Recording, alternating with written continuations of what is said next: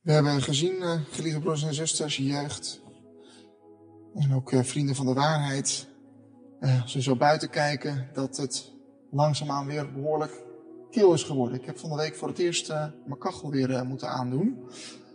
En dat is het zo. Na de zomer komt de herfst.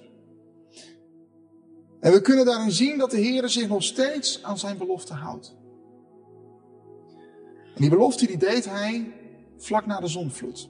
We kunnen het lezen in Genesis 8 vers 22. Genesis 8 vers 22 doet de Heer een bepaalde belofte. En dat is een belofte over de seizoenen.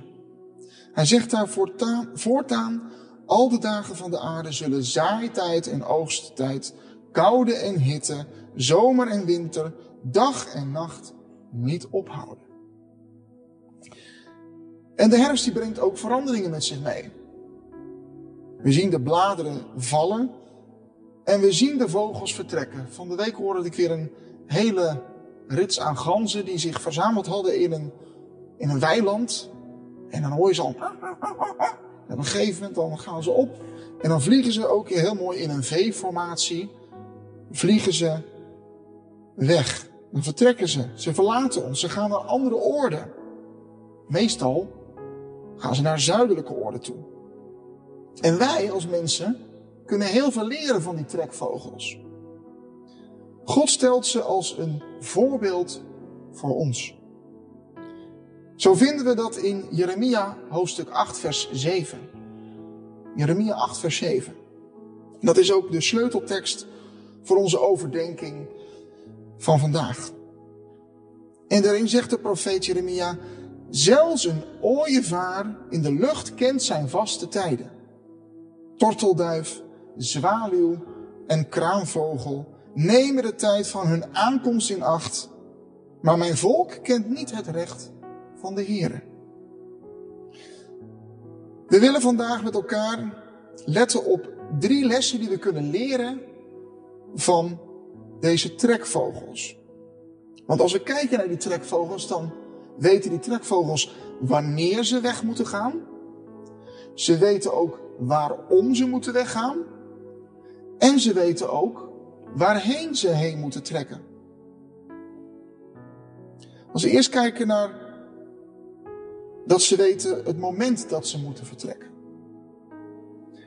Als we kijken naar de voorgaande hoofdstukken van Jeremia, eh, dan staat ook in hoofdstuk 7 in het teken van de afval door het volk van Juda van de Here en het verlaten van zijn wegen en het dienen van de afgoden. Eigenlijk precies hetzelfde wat we ook vanmorgen met die les over Hulda eh, gezien hebben.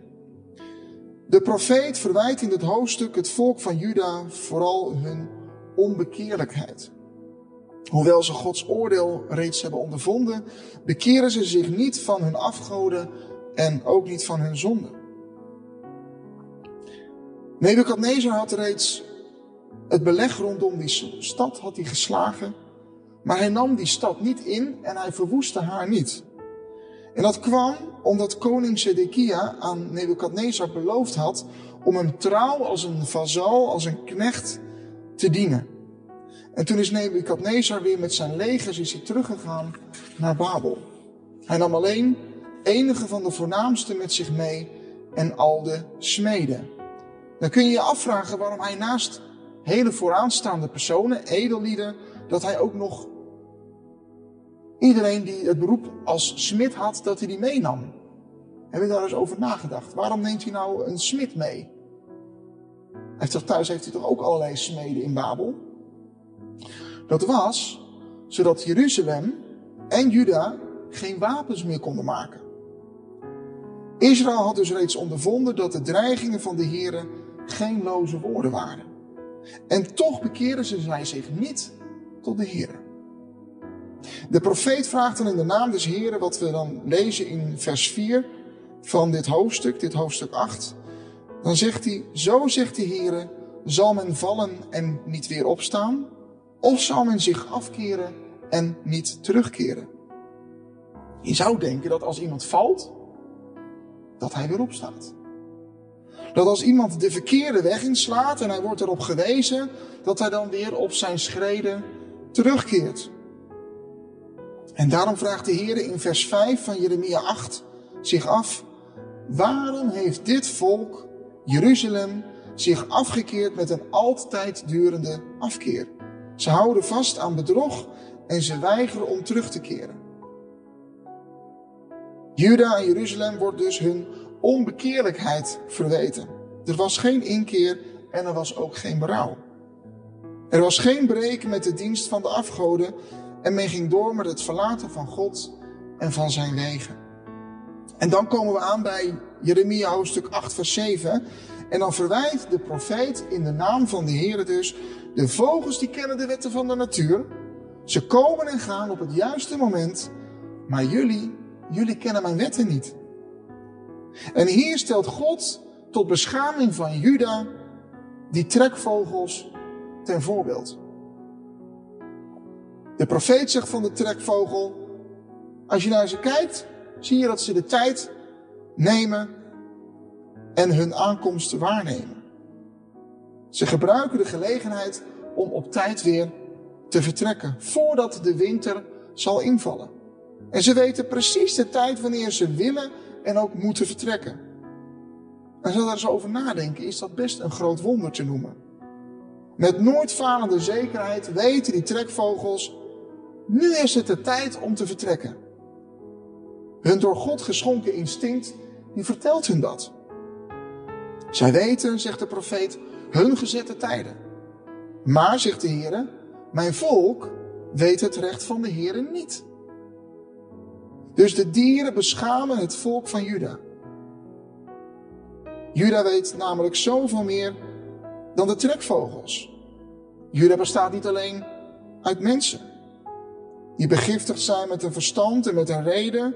Maar het volk is ook in het bezit van het recht van de Heer. Ze hebben het woord van God in de Torah. En ze bezitten ook de boodschap van de profeten, de Nebi'im. De tempel is in hun midden. De altaren waarop de lammeren geofferd werden, die allemaal stuk voor stuk ook heen wezen op Christus Jezus. Ze hebben uit de mond van de profeet Jeremia hebben ze de genadevolle uitnodiging van God ook gehoord. Namelijk, keer terug afkerige kinderen. Wat beschreven staat in Jeremia 3, vers 22, die dat willen opschrijven. Jeremia 3, vers 22, daar staat hoe God dus die uitnodiging geeft aan zijn kinderen. Keer terug afkerige kinderen. Ze hebben ook de belofte gehoord, in diezelfde tekst, ik zal u van uw afdwalingen genezen. Dat was de belofte die God aan zijn volk deed. En ondanks dit alles verlieten ze de afgodendienst niet en keren ze niet terug tot de Heer. En daarom, ter beschaming, wijst de profeet dus hen op de trekvogels. Zelfs een ooievaar aan de hemel weet zijn gezette tijd en een tortelduif, een zwaluw en een kraanvogel die nemen de tijd van hun aankomst in acht. Het gaat hier over vier verschillende vogels die in de tijd van de profeet Jeremia stuk voor stuk voorkwamen in Israël. En nu is er wel heel veel veranderd, maar deze vogels die komen daar ook nog steeds voor. De ooievaar, de tortelduif, de kraanvogel en de zwaluw. Het zijn allemaal trekvogels en ieder jaar trekken zij vanuit een koud klimaat naar een warmer klimaat. Ook wij kennen verschillende trekvogels hier in Nederland. Ik noemde net al de ganzen. En in de herfst gaan ze ons verlaten. En als we kijken naar die vogels, hebben ze allemaal één en dezelfde eigenschap. Ze nemen de tijd van hun aankomst waar. Ze weten hun gezette tijden, ze nemen de gelegenheid waar en ze weten wanneer ze moeten vertrekken. Ze vertrekken in de herfst. Eerst komen ze samen, ze vormen groepjes van honderden, soms wel duizenden. En hoe ze dat met elkaar afspreken, niemand weet het. Maar ze schijnen als het ware op elkaar te wachten. En dan wachten ze op het geschikte moment. Vaak wachten ze op een bepaalde stroming in de atmosfeer, een bepaalde luchtstroming. En dan vertrekken ze. Sommigen naar plaatsen die wel honderden kilometers ver liggen. En andere vogels die gaan wel duizenden kilometers ver. En al die trekvogels hebben een impuls in zich. Een soort van biologische klok. En die zegt, nu. Nu is het tijd om te vertrekken. En het is God die dat aan hen gegeven heeft. Voor ons is het een raadsel, maar ze weten hun gezette tijden. Al die vogels weten wanneer ze weg moeten gaan. In de zomer bouwen ze hun nest. Ze brengen hun jongen voort. En in de herfst vertrekken ze weer. Meestal naar die warmere landen om hier aan die koude, barre winter te ontkomen. Ze nemen de tijd van hun aankomst waar. Ze gebruiken de gelegenheid. Ze vertrekken op tijd voordat de winter invalt en er voor hen hier geen voedsel meer te vinden is. Maar toch zegt God, mijn volk weet het recht van de Here niet.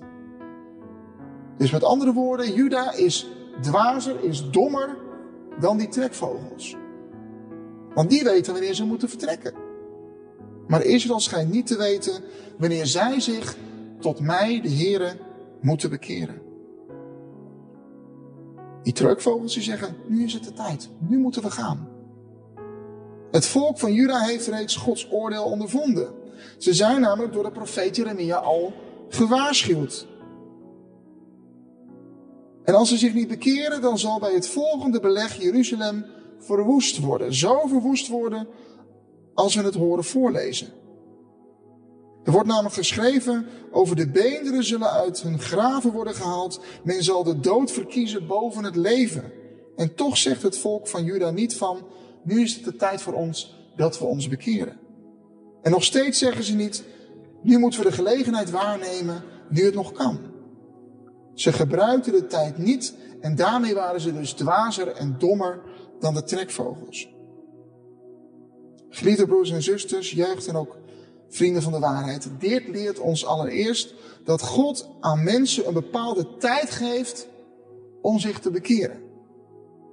En dat wordt ons heel duidelijk als we Jezus ook zien staan, bovenop de top van de Olijfberg, en dat hij zo beneden, naar beneden keek, richting de stad Jeruzalem. En toen Jezus die stad zag, was de Heer met tranen bewogen. Jezus zei in Lucas 19, vers 42, Och dat u ook nog op deze uw dag zou onderkennen wat tot uw vrede dient. En verder zei hij ook, tot zijn eigen droefenis, ook zullen zij in u geen steen op de andere steen laten. Waarom zou dat gebeuren? En dan vervolgt Jezus, en dan geeft hij de reden te kennen, omdat u het tijdstip waarop er naar u omgezien werd niet hebt onderkend. Dat staat in Lucas 19, vers 44. Ze hebben het tijdstip, het moment hebben ze niet erkend, het tijdstip om zich te bekeren. Ze hebben simpelweg de goede gelegenheden die ze gegeven kregen, hebben gehad, niet waargenomen. De priester Zacharias die zong ervan in Lucas 1 vers 68. Hij zei, geprezen zij de Heere, de God van Israël, want hij heeft naar zijn volk omgezien en er is verlossing voor tot stand gebracht. Het was de Zoon van God zelf die in hun midden was. De lang beloofde Messias die was eindelijk gekomen en hij predikte en hij werkte in hun midden. Ze hoorden van hem de boodschap van Gods genade. Zo helder als men nog nooit eerder tevoren gehoord had. En ze hoorden het Jezus zeggen. De mooie woorden uit Johannes 3, vers 16. Want God had de wereld zo lief dat hij zijn enige geboren zoon heeft gegeven, opdat een ieder die in hem gelooft niet verloren gaat, maar eeuwig leven heeft. Ze hoorden een krachtige, maar ook tegelijk een lieflijke prediking, die vergezeld ging van een ernstige aandrang, aandrang om zich te bekeren tot het geloof. En de dagen dat Jezus als mens onder hen was, waren voor de kinderen van Israël dagen van grote gelegenheid om zich tot God te bekeren en in Christus te geloven. En zo zijn er tijden, tijden voor volkeren en ook tijden voor mensen persoonlijk, waarin de Heer ons grote gelegenheid geeft om Hem te zoeken en zich tot Hem te bekeren. Tijden waarin de Heer zich in het bijzonder met ons schijnt te bemoeien. En op bepaalde, soms zelfs hele cruciale momenten roept de Heer krachtig. Zoals hij dat ook schrijft in Openbaring 3 vers 20 aan de gemeente Laodicea. Zie ik staan de deur en ik klop. We horen in al die beproevingen de boodschap. Die boodschap die ook gebracht werd door Jeremia 3 vers 22. Keer terug afkerige kinderen, ik zal u van uw afdwalingen genezen. God geeft aan ieder van ons persoonlijk tijden en gelegenheden waarin ons geweten spreekt en de Heer ons de mogelijkheid biedt om ons te bekeren. En de vraag die wij ons aan onszelf nu kunnen stellen is, zijn wij nu net zo slim als die trekvogels? Nemen wij de tijden en de gelegenheden waar? Of nemen we ze niet waar? Die trekvogels die gebruikten de gelegenheid. Zij vertrekken op tijd en ze weten ook waarom ze moeten vertrekken. Want waarom doen ze dat? Waarom vertrekken die trekvogels en verlaten ze ons? En dan kunnen we heel goed in ons eigen landje blijven, want wij kennen hier, net als in Israël, trekvogels. Ze hebben toch hier hartstikke goed in ons kikkerlandje, zou je zeggen? Ze hebben hier een nesten gebouwd. Ze hebben hier een jongen hebben ze grootgebracht. Hier in Nederland is toch hun thuis? Waarom verlaten ze ons dan? Omdat ze weten dat de winter eraan komt. En als de winter er is, dan is er geen voedsel meer voor hen. En deze vogels weten, als we hier blijven, dan zullen we sterven. Het is bij die trekvogels één keus die ze hebben. Ze kunnen kiezen uit twee dingen. Ze kunnen vertrekken of ze kunnen hier in Nederland blijven. En geliefde broers en zusters, zo is het bij ons eigenlijk ook zo. Er zijn slechts twee mogelijkheden voor ons. Of we bekeren ons tot de liefdevolle heiland, of het is voor eeuwig sterven. In Marcus 16, vers 16, dat was bij Jezus hemelvaart, maakte hij dat zijn discipelen heel duidelijk. De Heere zei dat tegen zijn discipelen, wie geloof zal hebben en gedoopt zal zijn, zal zalig worden. Maar wie niet geloof zal hebben, zal verdoemd worden. Het is allemaal heel simpel. En wat kunnen die trekvogels dan ons als mensen beschamen? Want zij, zij nemen de tijd van hun aankomst waar. Zij weten wanneer het de tijd is om te vertrekken. En ook waarom ze moeten vertrekken. Ze gebruiken de gelegenheid die hun gegeven wordt om naar warmere streken uit te vliegen. Zij nemen de gelegenheid waar. Want ze weten de winter is aanstaande. Ook wij weten wanneer de winter aanstaande is. De meeste van ons gaan dood als ze oud en grijs zijn en de dagen zat. Bij de meeste mensen zal de dood aan hun deur kloppen. En hoe het ook zij, of we de eerste dood zullen sterven, of dat we levend overblijven als Jezus straks terugkomt, we zullen allemaal stuk voor stuk, zoals we hier op onze stoelen zitten, op een dag rekenschap moeten afleggen voor God. En wat doen wij? Gebruiken wij de genadetijd die ons gegeven is? Horen we naar de oproep van bekering en van geloof? Want hoe we het ook wenden of keren, ook voor ons dreigt het gevaar. Ook voor ons is de winter aanstaande. Wanneer we sterven terwijl wij niet geborgen zijn in Christus, als het bloed dan niet aan de deurpost van ons hart is gesmeerd, dan zullen wij niet kunnen bestaan op die dag om de Heer te ontmoeten. En toch zijn wij dwazer dan de trekvogels. We nemen de tijd niet waar. Hoe komt dat? Omdat we ten diepste niet beseffen waarom we ons moeten bekeren en waarom we moeten geloven. We zien het gevaar niet waarin we verkeren. Die trekvogels die weten waarom ze ons moeten verlaten. Ze beseffen het gevaar van de winter. Met de koude en bevroren akkers en wateren zonder voedsel. En daarom, geliefde broers en zusters, we moeten ons beseffen wat het gevaar is. en als lauwe gemeente wakker geschud worden. De boodschap die ons tot besef moet brengen, die vinden we in het eerste gedeelte van 2 Korinthe 5, vers 10. Dat moet ons tot besef brengen. 2 Korinthe 5, vers 10, het eerste gedeelte ervan. Want wij moeten alle voor de rechterstoel van Christus verschijnen. Die boodschap zegt over het feit dat de Heer over zijn volk zal oordelen. En wat zegt Hebreeën 10 vers 31 ons? Hebreeën 10 vers 31, die zegt dat het vreselijk is, vreselijk is het te vallen in de handen van de levende God. En die boodschap die dient ons samen met de kennis van het eeuwige evangelie ons te raken en ons wakker te schudden. Wat wij moeten beseffen is dat we slechts pelgrims zijn naar een beter oord. Net als die trekvogels eigenlijk. Die trekvogels zijn ook een soort van pelgrims. Ze hebben hier een plek, maar ze trekken verder. Ze trekken verder naar warmere oorden. En dan moet ik altijd denken aan een liedje wat ik als kind geleerd had. Wij zijn op reis naar het paradijs, het Jeruzalem daarboven. Daar zullen wij met engelenrij de naam van Jezus loven. En dat moeten we beseffen. En dat moeten we ook onszelf als doel of tot doel verheffen. We zijn slechts op doorreis, niets meer en niets minder. Maar die reis is natuurlijk niet zonder gevaren. Beseffen we überhaupt in welk gevaar wij verkeren? Beseffen we dat wij tegen God gezondigd hebben en dat wij hem daarmee tot toorn hebben verwekt?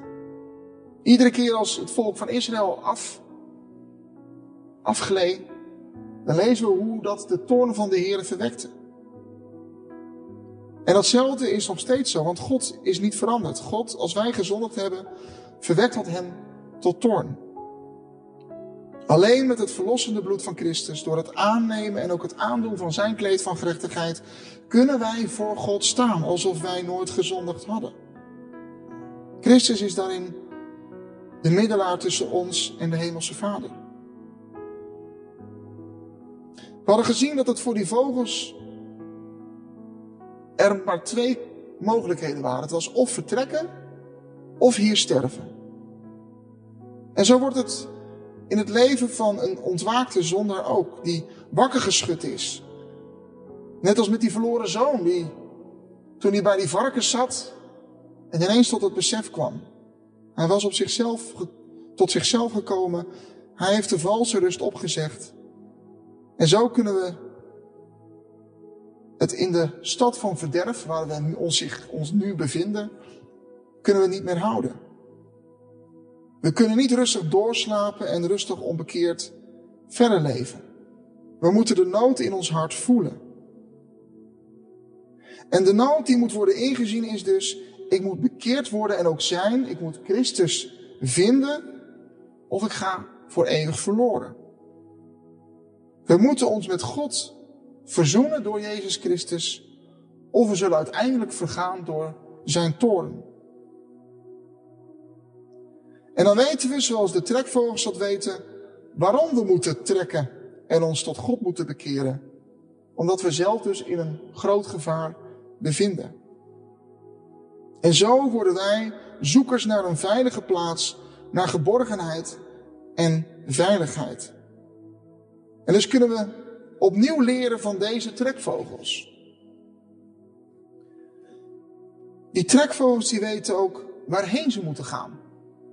Ze gaan naar dezelfde plaats waar eeuwenlang hun voorgeslachten zijn heen gegaan. En dat is best heel wonderlijk. Dat ze soms van heel ver naar precies dezelfde plaats, naar hetzelfde dorp, naar precies dezelfde boerderij terugkeren. Ze weten waarheen ze moeten gaan en ze weten ook de weg naar dat reisdoel toe. De vogels die warmte zoeken, gaan naar het zuiden. En de vogels die juist de kou opzoeken, gaan naar het noorden. Het gebeurt nooit andersom. Nooit zie je vogels die de warmte zoeken, dat ze richting het noorden gaan.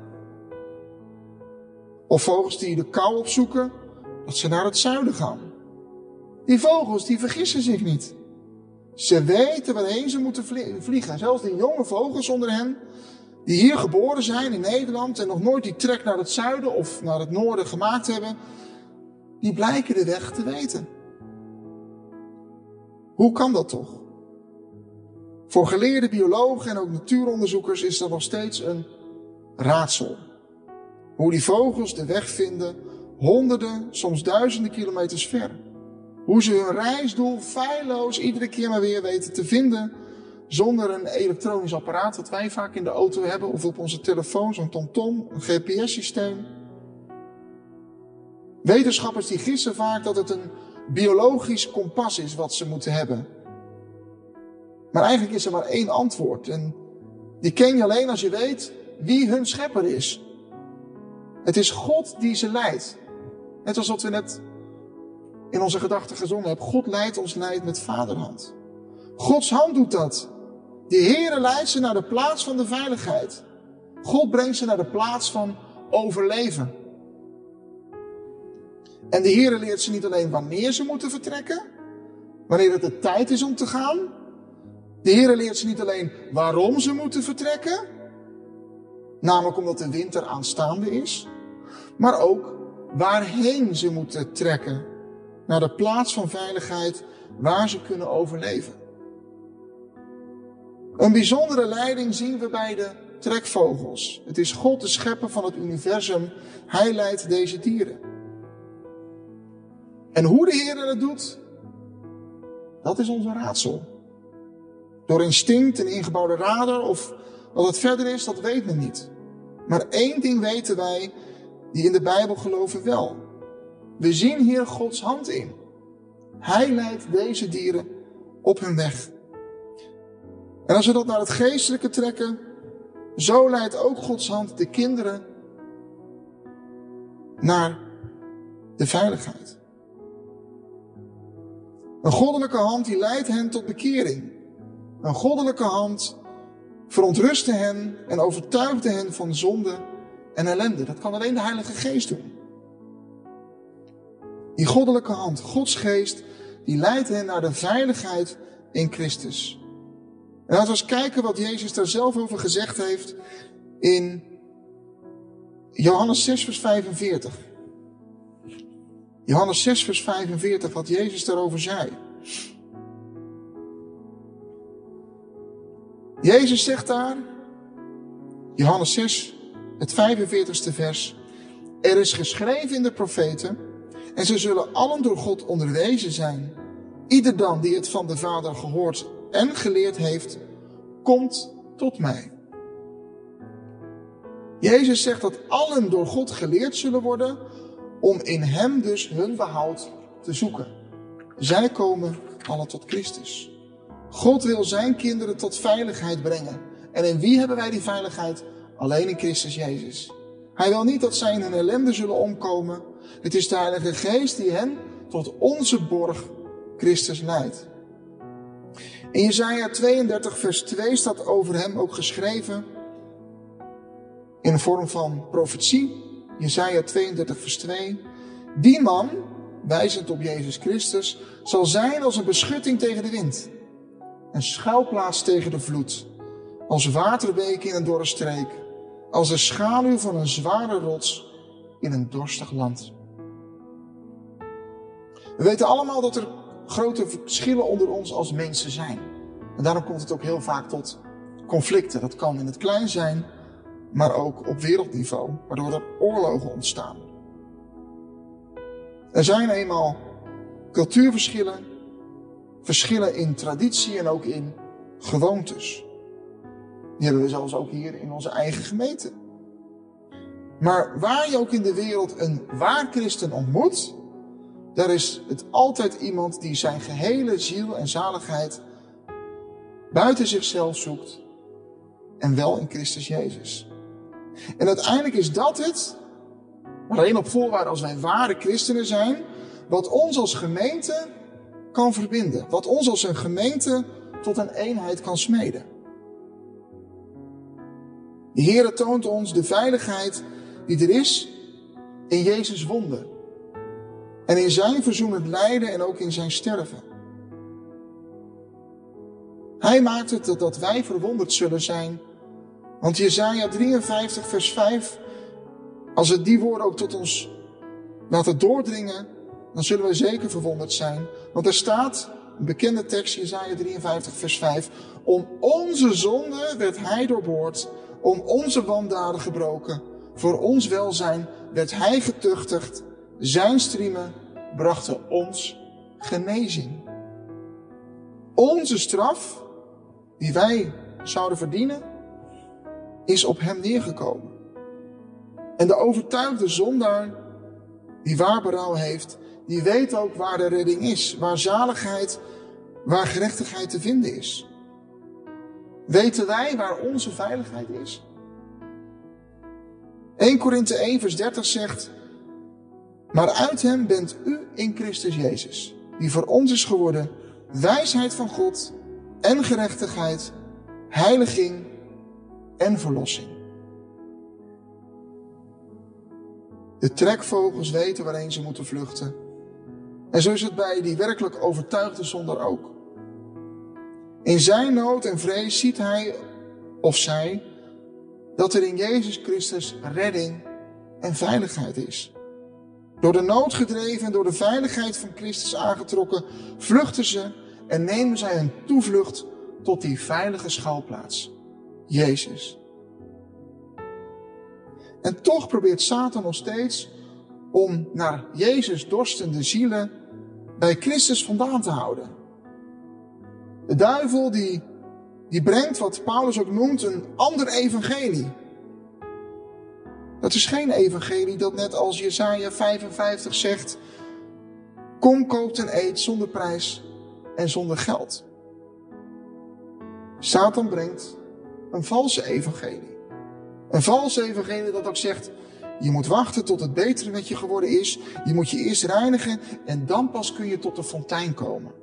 Je bent er nu nog te vuil voor je. Je moet eerst veel dieper aan je zonde ontdekt worden. En eerder kun je niet tot Jezus gaan. Kortom, Satan probeert in te fluisteren. Je moet wachten tot je geschikt bent voor Jezus. Tot je er helemaal klaar voor bent gemaakt om Hem te ontvangen. Maar let wel, lieve mensen. Een evangelie van geschiktheden en van waardigheden. Dat is het evangelie van de duivel. Daartegenover moeten wij juist luisteren naar die zachte stem in Matthäus 11, vers 28. Die komt van de goede herder. Kom naar mij toe, allen die vermoeid en belast zijn, en ik zal u rust geven. Daar is geen voorwaarde aan verbonden. Uiteindelijk zal de Heer ervoor zorgen dat wij onze bestemming zullen bereiken. Een ieder die naar zijn roepstem hoort en ook hem aanneemt als zijn of haar verlosser, die zal hij feilloos leiden naar de eeuwige zaligheid. De reis van de vogels is vermoeiend en soms ook gevaarlijk. Er zijn veel gevaren, zeker in de tijden van herfst. Dan heb je wind, storm. Ook de zeeën en roofvogels kun je op de weg tegenkomen. Maar het einde is de veiligheid. Het einde is het warme en het veilige zuiden. Ook wij als Gods kinderen moeten door heel veel verdrukkingen heen gaan. Voordat we in het koninkrijk van God kunnen komen. Er zijn heel veel gevaren op de weg. Veel vijanden die we moeten trotseren. Psalm 66, vers 10 tot 12, die verhaalt hoe God zijn kinderen beproeft en ook loutert.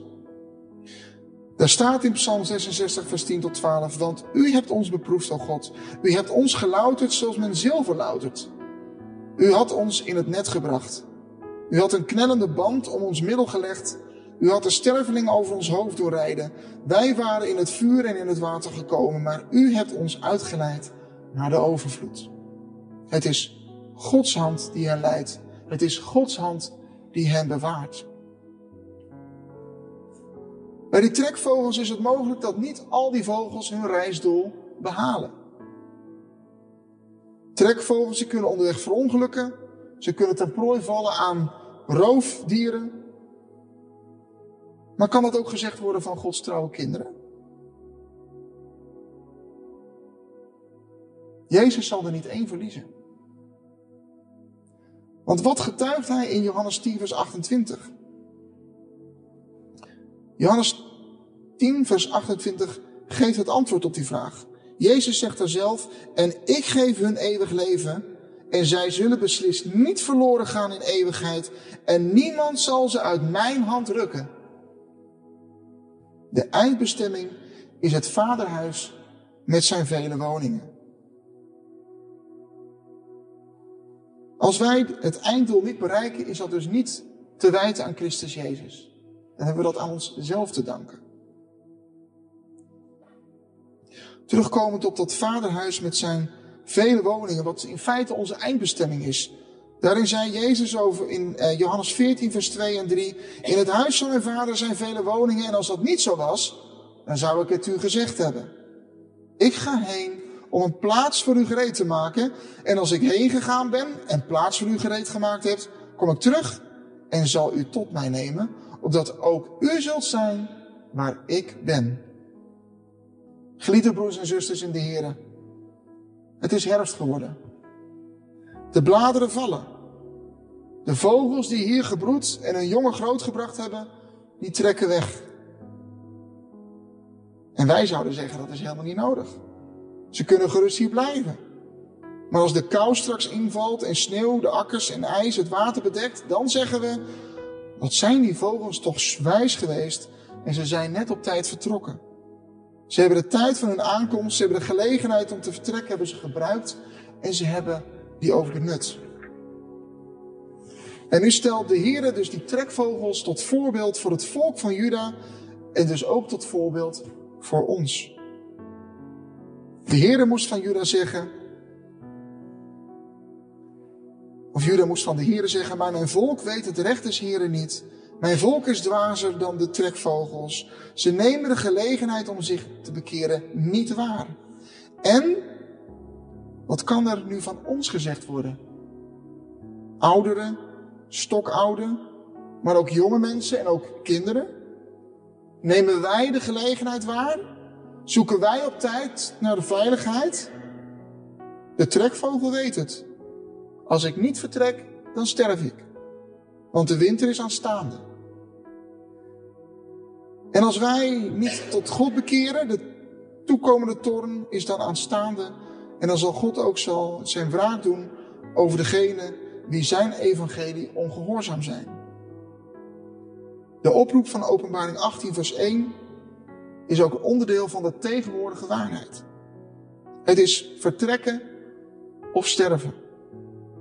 En 2 Korinthe 6 vers 2, daarvan het laatste gedeelte, zegt dat nu die gelegenheid is. Zie, nu is het de tijd van het welbehagen. Zie, nu is het de dag van het heil. Voor de nog jongere mensen onder ons is er een tip. En die staat in Prediker 12 vers 1. Denk aan uw schepper in de dagen van je jeugd Voordat de kwade dagen komen en de jaren naderen waarvan u zeggen zult, ik vind er geen vreugde in.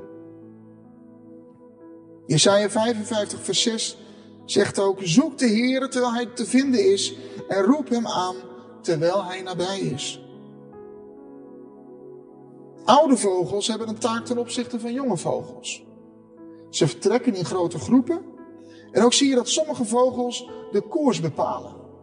Het is alsof ze andere vogels die nog aarzelen, en vooral de jonge vogels die de weg nog niet helemaal precies weten, toeroepen. Kom, ga met ons en doe als wij. En dat is ook de roeping van de kinderen van God die al lang op de weg des levens zijn. Die al langer in de waarheid zijn. Zij moeten die twijfelaars toeroepen. Kom, kom met ons mee. Oudere vogels kunnen vertellen dat het een goed en een veilig land is waarheen ze gaan. En zo moeten Gods kinderen ook spreken van dat goede land waarheen wij op reis zijn. Joshua en Caleb deden dat ook. Zij brachten een goed gerucht van het land Canaan. De wat ouderen onder ons kunnen denken dat hun tijd zo goed als voorbij is. Dat de Heer hen al zoveel gelegenheden gegeven heeft. Het kan misschien wat aan de late kant zijn, maar nu, vandaag, is het nog niet te laat. Ook op het elfde uur hebben we kunnen zien in die ene gelijkenis, wil God ons nog roepen tot het werken in de wijngaard. Ook dan staat de deur van genade nog open, ook al is het vijf voor twaalf. Dus wat belet het je? Wat houdt je nog vast aan deze wereld? We allemaal staan voor een keuze. Het is vertrekken of sterven. Het is Christus vinden of eeuwig omkomen. En laten we daarom ook als gemeente die trek, die pelgrimstocht aangaan. En niet de winter gaan zitten afwachten. En natuurlijk, die reis kan moeilijk zijn. Er zijn vele gevaren. Maar één ding weten we. Gods hand leidt ons. We gaan van kracht tot kracht. En we zullen straks in Sion voor God verschijnen. En laten we dan deze les tot slot uit Jeremia 8 vers 7 van die trekvogels ter harte nemen. Zelfs een ooievaar in de lucht kent zijn vaste tijden. Tortelduif, zwaluw en kraanvogel nemen de tijd van hun aankomst in acht. Maar mijn volk kent niet het recht van de Here. Luister naar de stem van de Heilige Geest die zegt, Heden, indien u zijn stem hoort, verhard dan uw harten niet. Zoals beschreven staat in Hebreeën 3 vers 7 en vers 8. De herfsttijd is ook het seizoen van regen. Laten wij gereed zijn voor zijn komst en ook de Heeren vragen en bidden om regen, wat ook het thema is van dit weekend van de najaarsconferentie. Die thema van Zacharia 10 vers 1. Laten we de Heer toch vragen, opdat Hij toch regen mag geven en verkoeling voor ons. En dat wij ook gereed mogen zijn voor zijn komst en de juiste keuze hebben gemaakt. Net als die trekvogels dat doen. Dat is mijn wens en gebed voor deze morgen. Amen.